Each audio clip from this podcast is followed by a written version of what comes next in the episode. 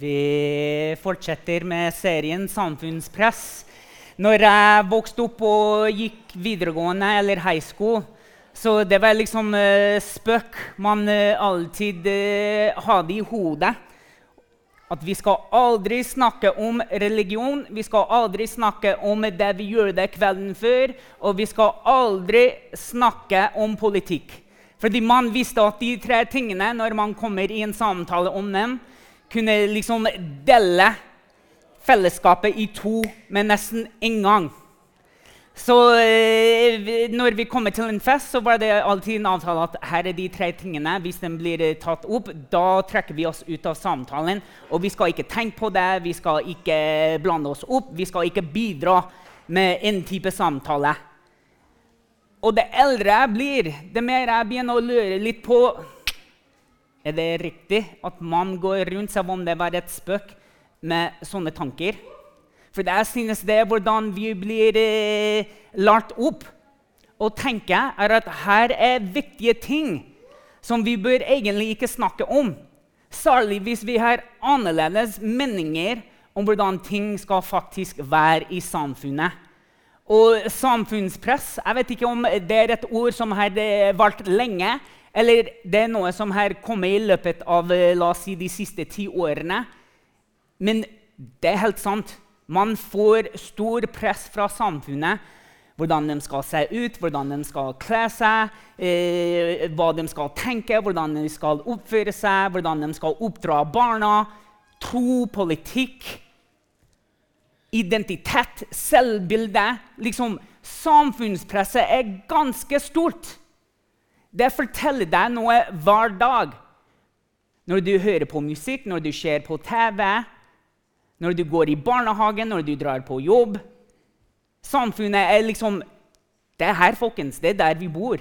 Det heter også for trossamfunnet. Vi har et samfunn innenfor trosbevegelser. Det er her vi. Men hvor står vi i forhold til sånne ting? Hvordan håndterer vi presset som man får fra alle livskanter når det gjelder viktige tema? Man blir litt bekymret for hva man skal si. Det er veldig vanskelig, syns jeg, å starte den samtalen med Men vet du hva jeg mener? Fordi man må virkelig ha gjennomtenkt hva du mener før du, før du begynner å snakke om sånne ting.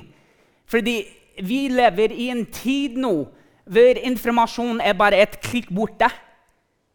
Å ja, mener du det, ja? Syns du det er fakta? La meg bare søke og høre med mine gode venn Google her. Og hva alle de andre i Google-verden mener om hva du har nettopp sagt. Og man blir så redd, egentlig for å si akkurat det de mener om sannheten og fakta. Fordi vi som kristne, vi som troende, vi vanligvis har noen sannheter og fakta som går helt i motstand og motstrid av det samfunnet mener er riktig. Og hvis vi ikke godkjenner hva samfunnet sier, som vi mener er riktig, sant og veldig viktig, da blir de liksom avlyst. Cancel culture. Man blir litt opptatt av å ja, hvis jeg sier det, blir jeg utelukka fra gruppen. Så kanskje det er lettere at jeg bare uh, tier stille og ikke sier noe. Men det er ikke det vi er kalt til å gjøre. De siste flere ukene nå, nå så har jeg kommet litt inn og hadde litt å si om at vi er salt og lys. Det er noe vi må alltid liksom la boble oppi oss og tenke på. Og husk at vet du hva? jeg kan ikke bare være tilbakeholden om noe viktige tema. Så hva kommer etter de ordene 'Jeg har en mening om'?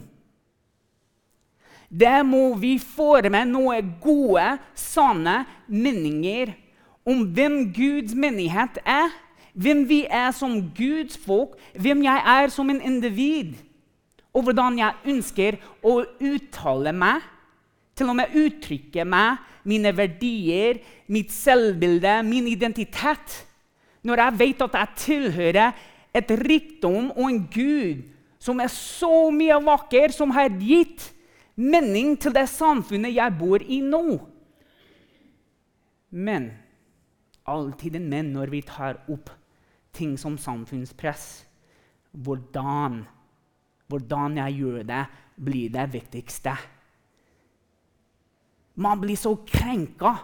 Og det, det har jeg lært meg i de siste åra her. At jeg blir så krenka av ting som går i motstrid av mine verdier, min teologi, min Gud.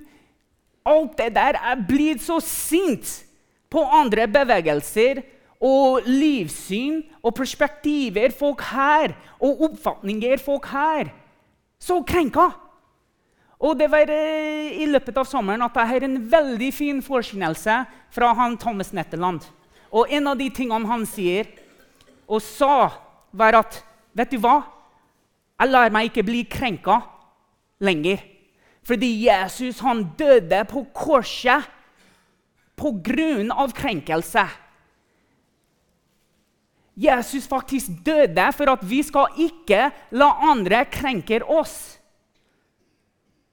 Vi har blitt gitt en ånd av Jesus hvor vi skal håndtere forskjellige situasjoner og omstendigheter med Guds kjærlighet, med Guds eh, frimodighet, med Guds forstand og visdom. Og ikke minst Guds nåde. Og det er egentlig jeg mener det vi må ta opp fordi det er ofte at vi som Guds folk, Guds menighet, har ikke ofte truffet målet med hvordan vi forholder oss til samfunnet. Og verdiene og ideologier som begynner å blomstre opp og vokse i dagens kultur. Men det er ikke noe nytt. Heldigvis og takk og lov at vi leser om akkurat de samme ting i Bibelen, og hvordan vi skal forholde oss til dem. Og det er ikke lenger at vi skal drepe folk, vi skal kaste dem ut. Vi er ferdig med dem. Heldigvis er det nå at vi skal håndtere dem, at vi skal møte dem med Jesu nåde. Men hvor står du i forhold til deg og de andre som har et annerledes livssyn? Oppfatter livet litt annerledes enn deg. Jeg minner om samfunnet for hans stemme, om verdier, identitet, hvordan du skal leve livet ditt, hvem du skal tilbe, hvem du skal bruke tid sammen med.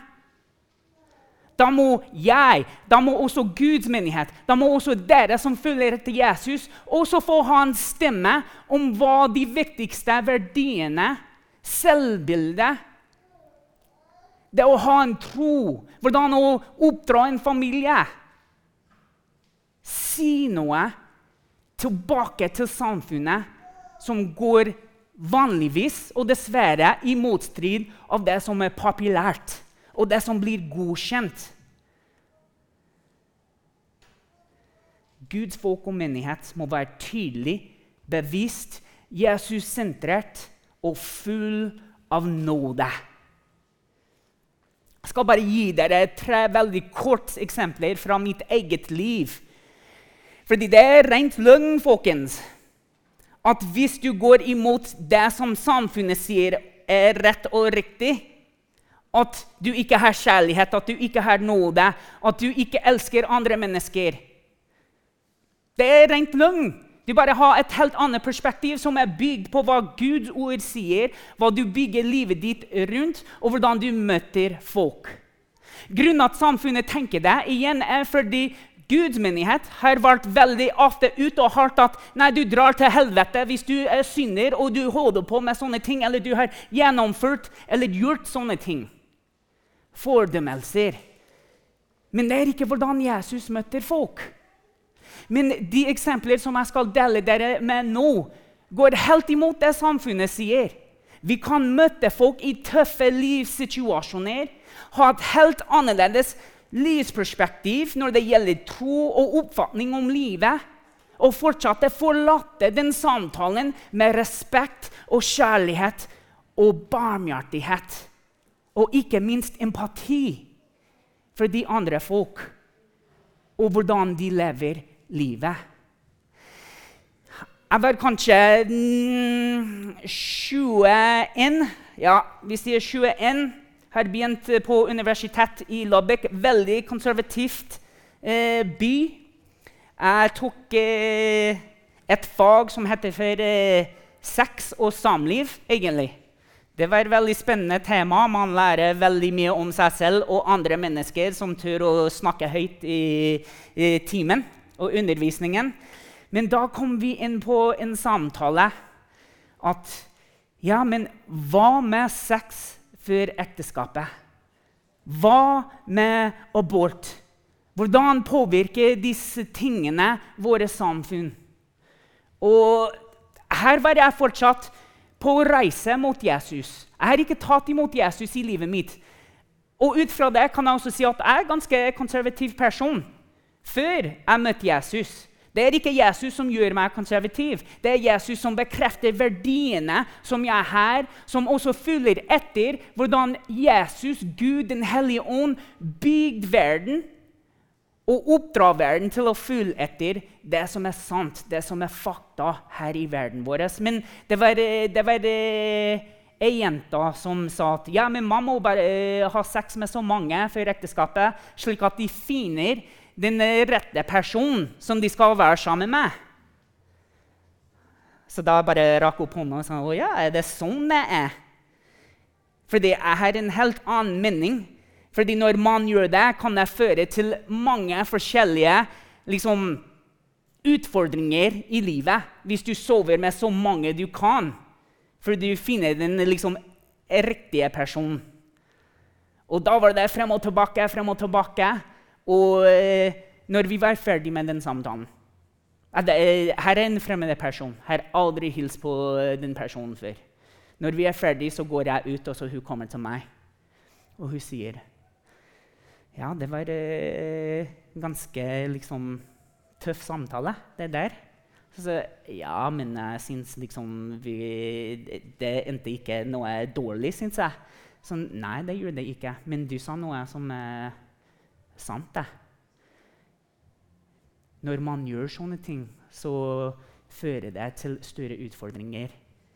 Og, og det som kom ut av munnen hennes neste, det var noe som jeg kan ikke tro hun sa til meg, fordi hun skjønte ikke meg i det hele tatt. Men det som skjedde med meg, var at jeg ble gravid. Og så Jeg var ikke klar for å ha en baby. Så tok jeg abort. Og så Hun så på meg som at jeg skulle reagere på en dårlig måte. Men selv om jeg her ikke kommer frem til å tro det som jeg har hørt om Jesus, og hvordan det påvirka livet mitt dit til, så sa jeg at ja, men det måtte ha vært veldig voldsomt. Å liksom sitte med den avgjørelsen og tenke på hva skjedde med den babyen, for det kom til verden. Og hun så tilbake på meg og sånn Ja, det var det. Jeg sa jeg vet ikke hva du tenker nå om din fremtid, men jeg mener at du har fortsatt en fremtid. Og jeg selv har ikke kommet helt til det punktet hvor jeg tror på Gud. Jeg er på en reise. Her er en ekte samtale, folkens, hvor vi må møte folk med nåde. Så sa jeg men jeg tror på at Gud han tilgir sånne ting. Og han møter deg med din nåde. Og her er det bare Den hellige ånd som gir meg ordene til å snakke fint og liksom med nåde og empati til en annen person som har opplevd noe så forferdelig i livet. Og hun begynte å gråte.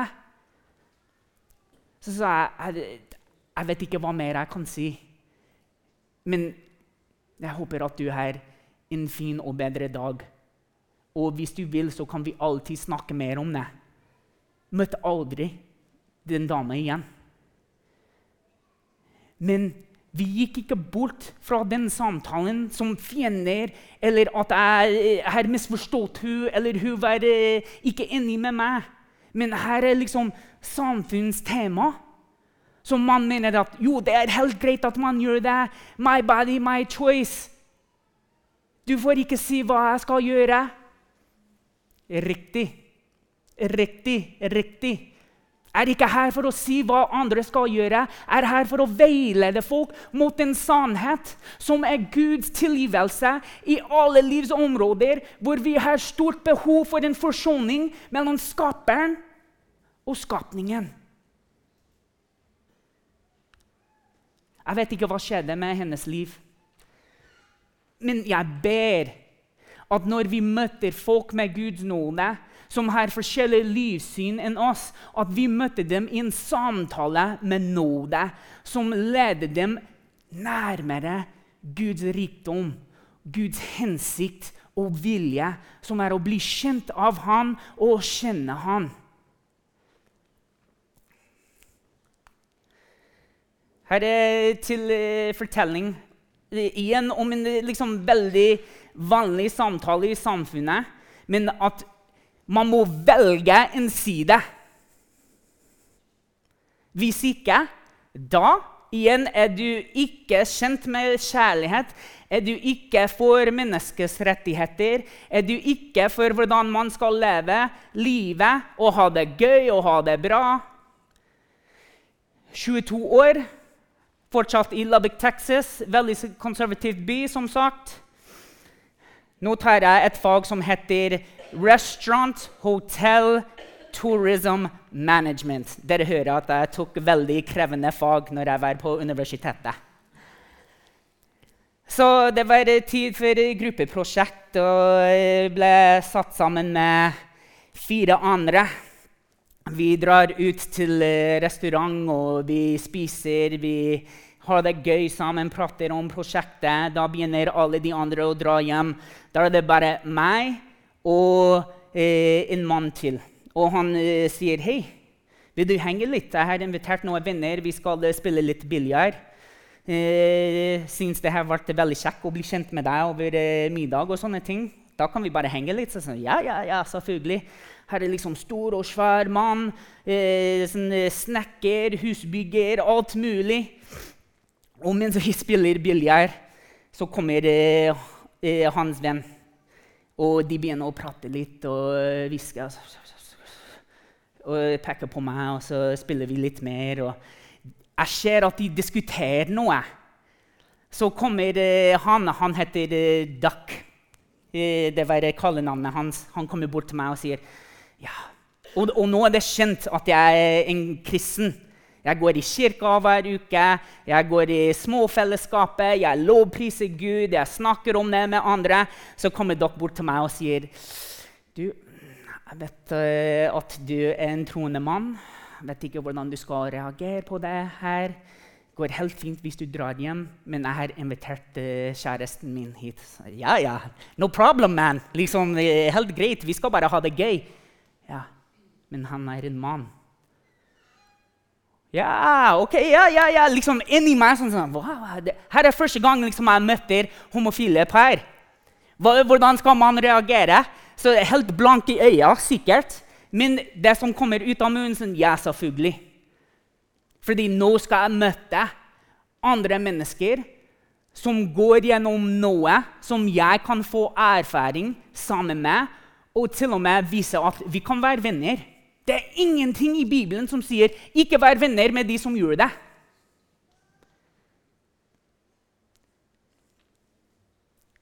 Men ikke bli påvirka av det. Fordi Det som kan også ofte skje, er at vi lenker oss sammen med folk som lever i syn og gjør ting som ikke drar oss nærmere Gud. Så blir vi også dratt bort fra Gud. Men i den situasjonen så møtte jeg en mann som har en kjæreste som en mann. Så sitter vi sammen, vi prater, vi har det gøy. Så går vi fra å bli ukjent til å bli kjent, til å ha flere samtaler om tro, om Jesus. De, det, det homofile paret de gjennomgår skikkelig brud i forholdet. Jeg møtte den som jeg har blitt kjent med. Han, eh, liksom, han satte pris på meg. Han så at jeg trengte en jobb, og han var en av de første i Lubbock som ga meg en jobb. Jeg bare bli med meg ut på, eh, på noe oppdrag. Så ble vi kjent på den måten også. Så han kommer til meg og sier jeg trenger stor hjelp. Det her har skjedd i forholdet, og liksom, det er forferdelig nå. Så sier jeg, 'Vet du hva?' Du bare trenger å ta tid for deg selv. Du trenger ikke å tenke på liksom, det forholdet. Og her har det ikke bare å gjøre med liksom, homofile par, men også for oss som eh, går i, liksom, eh, mot kjønnspar, som vi syns er helt vanlig. Vi trenger alltid å ta litt tid for oss selv når vi går gjennom store ting i livet. Og vi snakker om hva Gud ønsker for livet, hvordan vi ønsker at Gud skal, at han skal liksom legge sine egne lyster og liv til sida, og så leve et liv som er helt Jesus-sentrert. Så flytter han bort. Men før han flytter bort, så sier han noe til meg som jeg skal ikke glemme. Tusen takk for den kvelden hvor du ga meg en sjanse å bli kjent med deg. Jeg, jeg mener at du bør egentlig søke en jobb som prest i militæret, fordi det er mange som trenger inn, som kommer til å vise nåde gjennom de store og viktige og dumme avgjørelser vi som menn tar. vi som menn, ja. Men igjen vanskelige samfunnstema som blir møtt med Guds nåde. Som bekrefter at vi trenger ikke å bli fiender, vi trenger ikke å bli krenka. Vi trenger bare å bli åpne for at Guds nåde bor i oss, og hvordan vi kan bruke det for å møte andre. Den siste fortellingen det er her med meg og inntil eh, liksom en veldig god venn i Tsjekkia. Vi var uh, ansvarlige for noe ungdommer der. Og pornografi. Det har blitt så tilgjengelig, så akseptert eh, en del av det daglige livet. Og i Tsjekkia så er det liksom en av de som pro produserer mest pornografi. Så vi møter ungdommer som følger etter Jesus som lever et liv i tjeneste, men de sliter veldig hardt med pornografi. Men de var så åpne om det. Bare tenk om vi kunne være åpne om vårt eget liv og det vi sliter med. Fordi de ikke hadde tanken at vi kommer til å fordømme dem. De har blitt kjent med oss. De var klare for å ha en ordentlig samtale om det de sliter med i livet. De har blitt så kjent med oss at de viste at nei, her er noen noe gutter selv som har sikkert vært gjennom noen ting. Hvis du har vokst opp, i min kultur, min generasjon, så har du sett noen nakne bilder. Det skal jeg være ærlig om. Mitt eget liv. Men jeg mener alt jeg har opplevd hittil det her var til at jeg kan hjelpe noen andre i Jesu nåde og kraft gjennomgå akkurat de samme fristelser og få seieren i dette livet. Så vi møter dem, vi snakker med dem, vi hjelper dem å få liksom, blikket at det her det kan bli ødeleggende for meg nå, hvordan jeg ser på andre mennesker, verdien andre mennesker her, hvordan jeg snakker om andre. Og det har liksom langsiktige konsekvenser også. For ekteskapet mitt, for ektefellen min. Hvordan jeg forholder meg til dem og det privatlivet. Så her er noe som vi kunne her komme veldig hardt ned på dem og si nei, du drar til helvete hvis du ser på sånne ting. Du kommer til å ikke ha et forhold med Gud. Du er dum, du er verdiløs. Men det er ikke Jesu vei. Jesu vei er alltid nådens vei.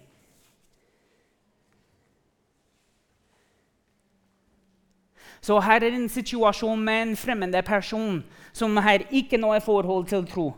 Her er en situasjon med eh, to menn. Ikke noe tro, men vi får snakke om tro. Her er den siste situasjonen og flere andre eksempler fra mitt eget liv. Dere har deres egne opplevelser om hvordan vi møter samfunnspresset med Guds nåde. Vi er mennesker som elsker. Vi er mennesker som ønsker å veilede. Vi er mennesker som ønsker å peke mot Jesus. De ønsker at folk skal møte dem. Men når vi tenker på Bibelen, så bruker vi Bibelen for å liksom banke på samfunnet. Her har du lest. Vet du ikke? Kjenner du ikke? Jesus. Folk som har ingen peiling om hva står i Bibelen. De har bare hørt fra andre kristne som går rundt og prøver å smekke folk på hodet med Guds ord uten nåde. Skjønner vi ikke at vi bor i et samfunn som trekker seg lenger og lenger bort fra Guds ord? Og hva Gud ønsker for folks liv hensikten og vilje og verdien av å tilhøre Guds samfunn. Her er ment for oss som er kristne folk, som er etterfølgere av Jesus. Så vi bør egentlig få å ha en stemme i andre kristne sitt liv som lever i synd, ikke for å fordømme dem, men for å veilede dem mot Jesus, hans tilgivelse og kjærlighet, forsoning til vår skaper, som ønsker det beste livet for oss. Og nå i samfunnsdebatten møter vi holdninger og ideologier som i sin største grad Kanskje dere har sett noe større i deres eh, livstid, som er litt eldre. Men i min, i min eh, tid så er for min del er største grads utfordringer i forhold til hvordan man skal tenke om sex, kjønnsidentitet, familien, forskjellige ting. Det er samfunnet som alltid får det siste ordet. De bryter ned de grunnleggende sannheter og fakta. Man liker alltid sannheter og fakta opp til at det går imot av det med sannheter og fakta. Så hva er sant? Hva er fakta?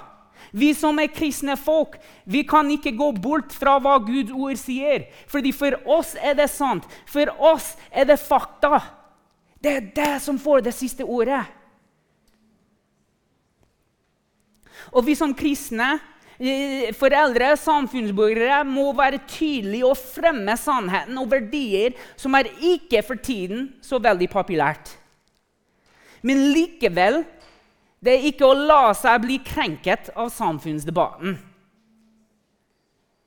Og til sist, liksom det, det som er riktig, det som er rett, det som er sant, fakta Det betyr sannsynligvis at du får motstand. Akkurat som Jesus, akkurat som disiplene. De var ute i samfunnet, men pekte mot Guds rike. En sannhet og fakta som de ville ikke gå bort fra. Hva skjedde? Jeg tror vi vet akkurat hvordan den historien endte. Flere drept. Korsfestelse. Men heldigvis fikk vi seieren. Vi, Guds rike, fikk det siste ordet om hva er sant og hva er fakta i oppstandelsen. Et liv hvor vi i Jesu kraft, i nådens kraft, møtte folk med Guds nåde. Nå skal jeg være litt mer personlig før jeg avslutter uh, talen her. Første inntrykket Her er så mye å si, både på godt og vondt, om hvem du er som en etterfølger av Jesus Kristus? Er du kjent for dine fordømmelser, eller for din nåde og lyst å veilede folk i retning av Jesu redning?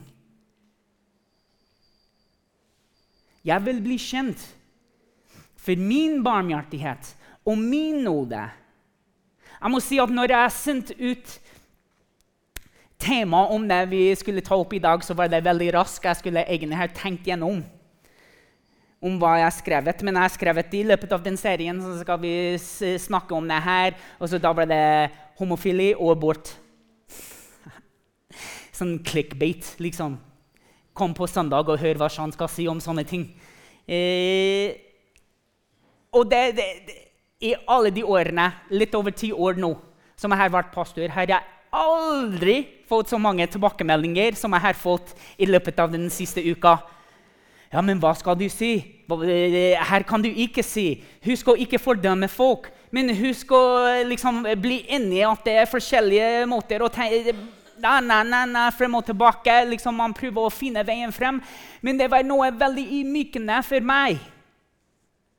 Som bekrefter at jeg, og sannsynligvis vi, har en vei å gå og bli kjent for vår barmhjertighet og vår nåde.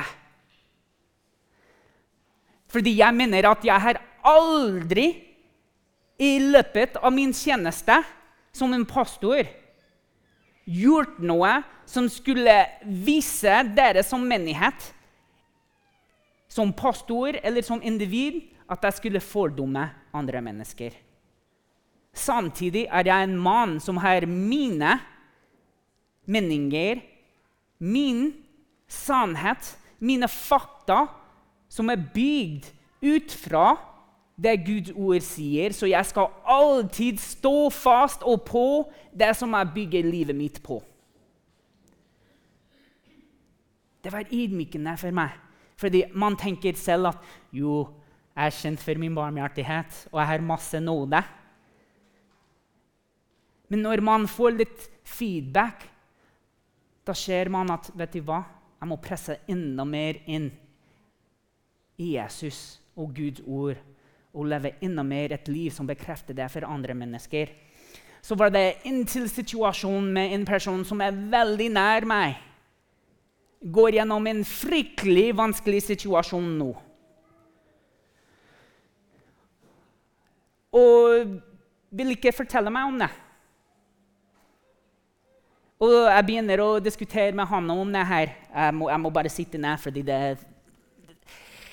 her, her føler jeg enda mer personlig at det, snakker med Hanna om den situasjonen, og hun sier til meg ja, men kanskje, kanskje de vil ikke fortelle deg. Fordi de er litt bekymret for at du skal fordømme dem. «Å, nei, det kan de ikke tro. Liksom, de, de, har kjent meg i så mange år. Ja, ja, men eh, du er pastor.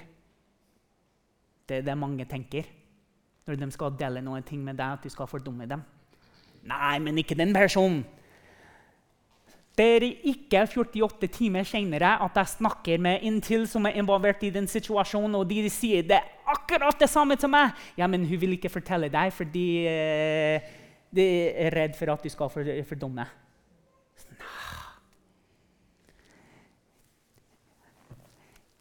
Tittelen som pastor betyr ikke fordummelse. Det må jeg bekrefte for hver og en her. Jeg har aldri drevet med det, skal aldri begynne med det. Jeg skal alltid lande på den siden av barmhjertighet og nåde. Og Grunnen for det er fordi jeg vet akkurat hvor mye barmhjertighet og nåde har blitt vist av Gud og andre mennesker.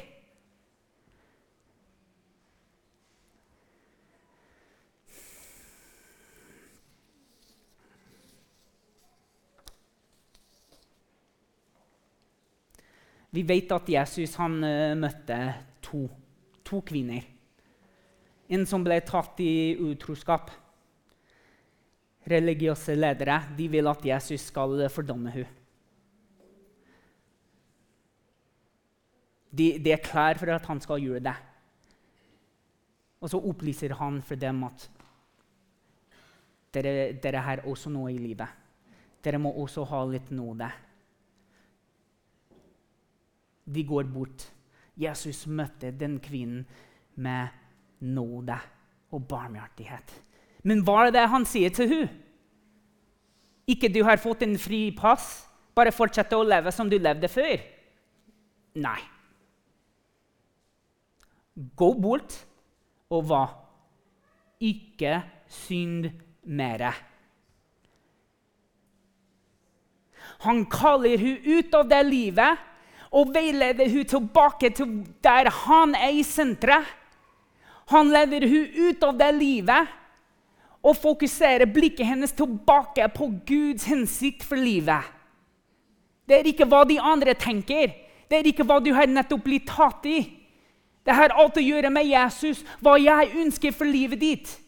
Og det er ikke dine egne lyster, det er ikke din egen vilje. Det er ikke hva samfunnet sier er riktig eller viktig. Det er hva Guds vilje sier, det er hva Guds lyster er. Det er hvor Gud peker deg, og hva er viktigst for hans rike. Så møter han samaritansk kvinne ved brønnen. Hun er så bekymret for at Jesus skal fordømme henne. Fordi det er akkurat det jeg har opplevd fra samfunnet. Tenk deg, det er helt vilt. Det er helt motsatt.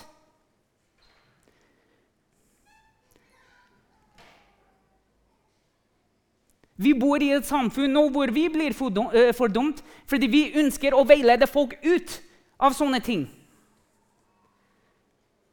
Men Jesus tenker nei, skal ikke bli fordømt. Trenger ikke å skjule livet ditt. Du er tilgitt. Og hva fører det til? Til at hun går tilbake og forteller alle om Jesus. Fordi han møtte henne i en samtale med nåde.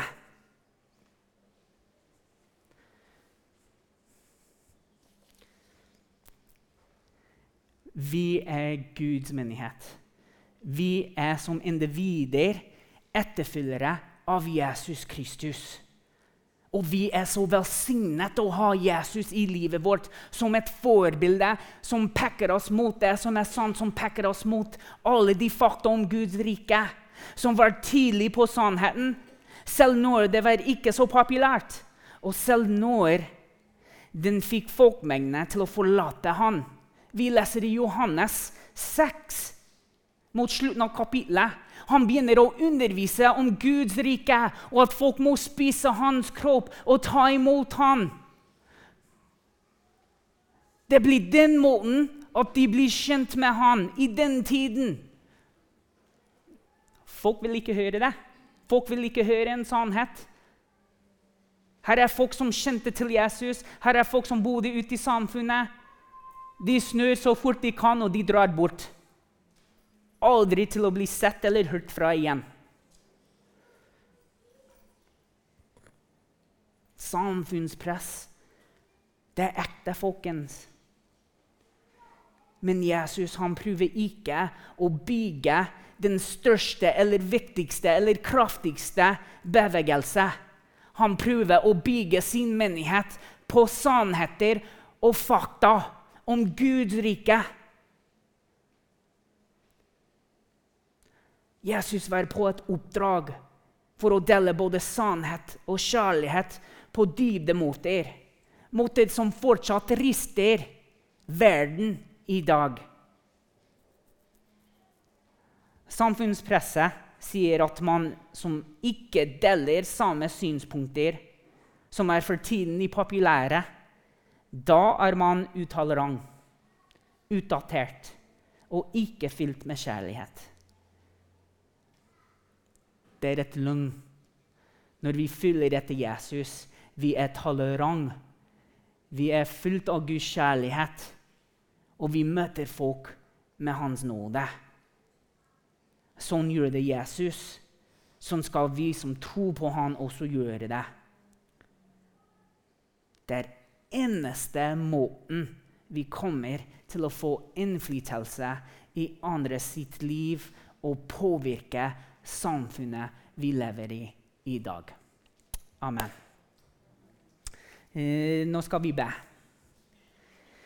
Gud, vi takker deg, vi priser deg for at du skapte samfunnet. Og du satte oss i det samfunnet for å være et lys, for å være salt, for å snakke tidlig om livet ditt, for å snakke tydelig om sannheter og fakta som tilhører ditt rike, Gud.